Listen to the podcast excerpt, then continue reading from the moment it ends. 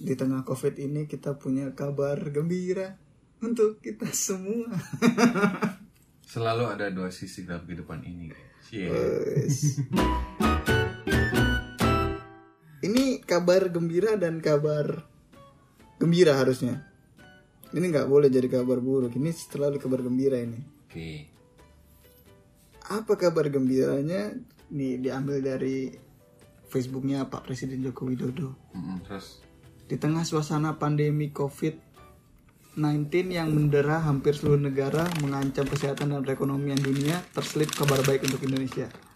Terus? Dalam laporan Bank Dunia tanggal 1 Juli 2020 kemarin, status Indonesia telah naik dari lower middle income country menjadi upper middle income. lower ke upper. Yes, Nggak ada middle-nya. middle, low. Jadi ada empat indikatornya Bluebell. Yang pertama adalah low income Mm-mm. country, terus lower middle income Oh, country. lower middle lah. Oke. Di atasnya lagi adalah upper middle country, yang paling atas Oh, adalah iya. upper. Oke, sip. Gitu. Dari negara dengan gross national income per kapita 3.840 USD Mm-mm. menjadi 4.050 USD income per kapita. Indikator Mm-mm. dari penilaian ini gross national income Oke. yang indikatornya negara berpenghasilan rendah itu 1035 USD atau dengan kurs 14.500 Mm-mm. rupiah per USD itu setara 15 juta per tahun atau 1,250 ribu per bulan. Oh. Negara berpenghasilan menengah ke bawah Oke. tempat kita sebelumnya itu dari 15 juta per tahun sampai 58 juta 622 ribu Per tahun. per tahun per kapita per kepala. Per kapita tuh per kepala. Mm. Oke. Jadi per bulan Rata-rata itu berarti itu. rata-rata satu juta dua ratus ribu sampai empat juta delapan ratus ribu per bulan. Sebelumnya. Mm-mm. Nah, negara berpenghasilan menengah ke atas dari 58 juta 622 ribu sampai 181 juta 700 ribu rupiah per tahun. Oh kita itu. Iya, Setelah setelah di, diinformasikan kita tuh naik. kita tuh naik. Jadi 4 juta 885 ribu sampai 15 juta 142 ribu per bulan. Mm-mm. Nah, negara berpenghasilan tinggi itu di atas 181 juta 700 ribu rupiah per tahun. Kenaikan status ini harus kita syukuri sekaligus kita perlakukan sebagai peluang. Peluang agar Indonesia bisa terus maju melakukan lompatan kemajuan agar kita berhasil menjadi negara berpenghasilan tinggi Itu katanya Pak dan Jokowi. keluar dari middle income trap di Facebooknya Pak Jokowi. Oke, kira-kira artinya apa? Artinya Indonesia naik pendapatan per kapitanya secara nasional. Oh ya? Iya. Kok bisa? Di tengah pandemi. Nah, nah, masalahnya data yang dipakai data 2019. Oh, oke lah, berarti kan anggap sebelum pandemi ya. Ah, sebelum pandemi Data Bank Dunia menggunakan perhitungan dengan metode atlasnya Hmm. ditemukanlah Indonesia itu Sudah. memiliki ya sudah masuk. Mm.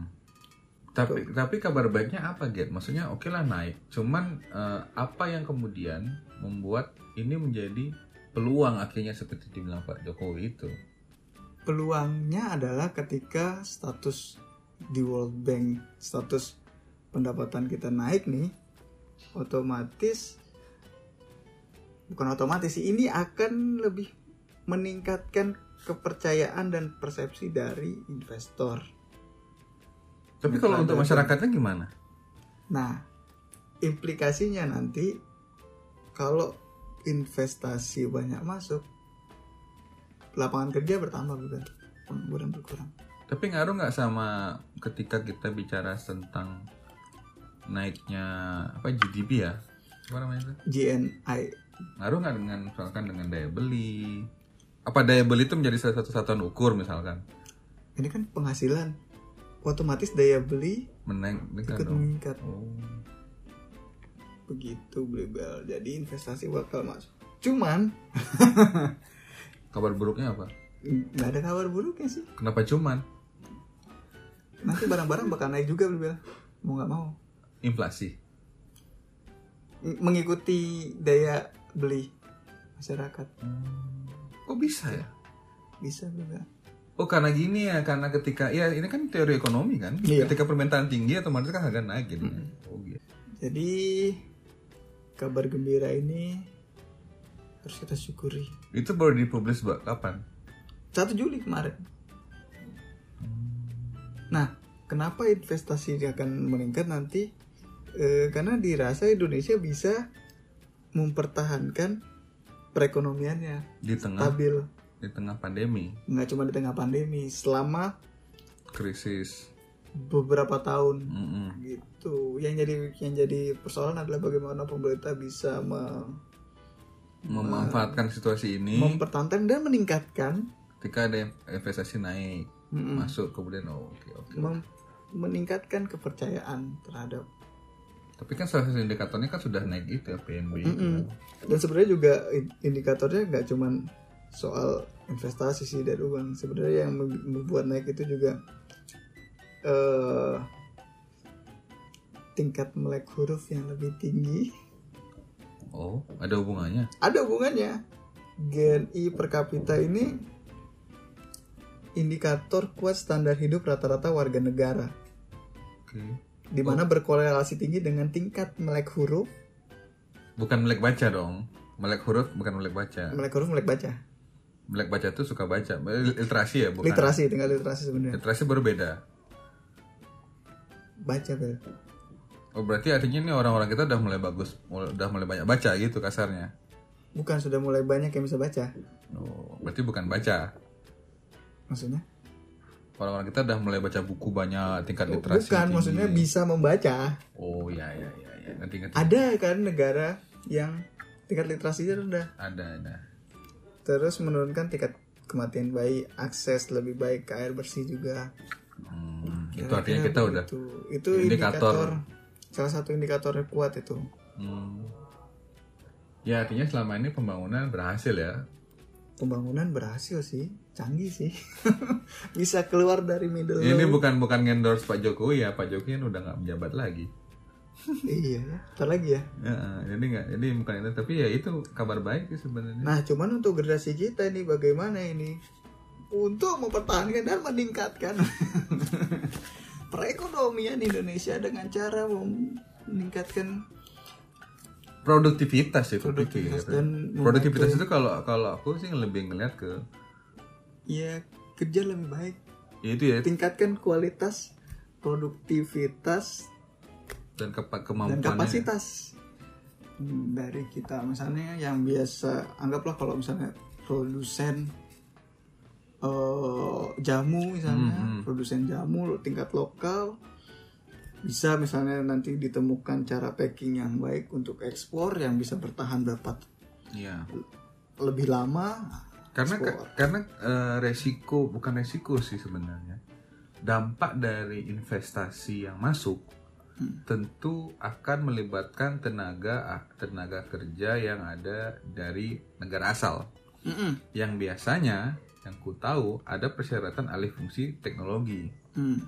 kupikir sih yang kita bisa lakukan adalah salah satunya adalah mempersiapkan diri yes untuk menjadi uh, orang yang menerima alih fungsi teknologi dan bahkan mungkin dengan mengembangkannya gitu. Hmm. Menurutku itu sih kalau ngomongin investor Iya. itu kan pemerintah ya. itu pemerintah kita harus meningkatkan Kapasitas, Kapasitas diri, sih. Contoh nih ke- misalkan yang akan masuk contoh aja ya. Pabrik pabrik teknologi A misalkan dengan uh, kemampuan uh, apa namanya teknologi yang terbaru misalkan. Nah mereka kan nggak mungkin nggak bawa tenaga kerja dari negara asal dong. gitu. iya mereka pasti buat tenaga ahli Hmm. Dan dan kita juga nggak mungkin dengan istilahnya dengan sukarela tidak ada alih fungsi teknologi. Nah di situ kita mesti siapin sih sebenarnya anak-anak muda. dan juga kita harus menjaga stabilitas negara Hmm, hmm, hmm. dengan cara tidak melakukan hal aneh-aneh karena karena gitu ekonomi itu sangat berdampingan dengan keamanan Hmm, Oke oke oke. Jadi kalau ada hal yang mengancam keamanan, wah, misalnya ekonomi, nah, Hmm, hmm, hmm. jadi belajar banyak belajar, terus menjaga stabilitas, jangan melakukan hal yang aneh-aneh. Maksudnya jangan terlalu ekstrim lah, hidup kok ekstrim, middle aja middle, dari tengah. Oke, oke. Em, itu sedikit. Itu udah closing tuh. Udah. Ya, ya, ya. ya.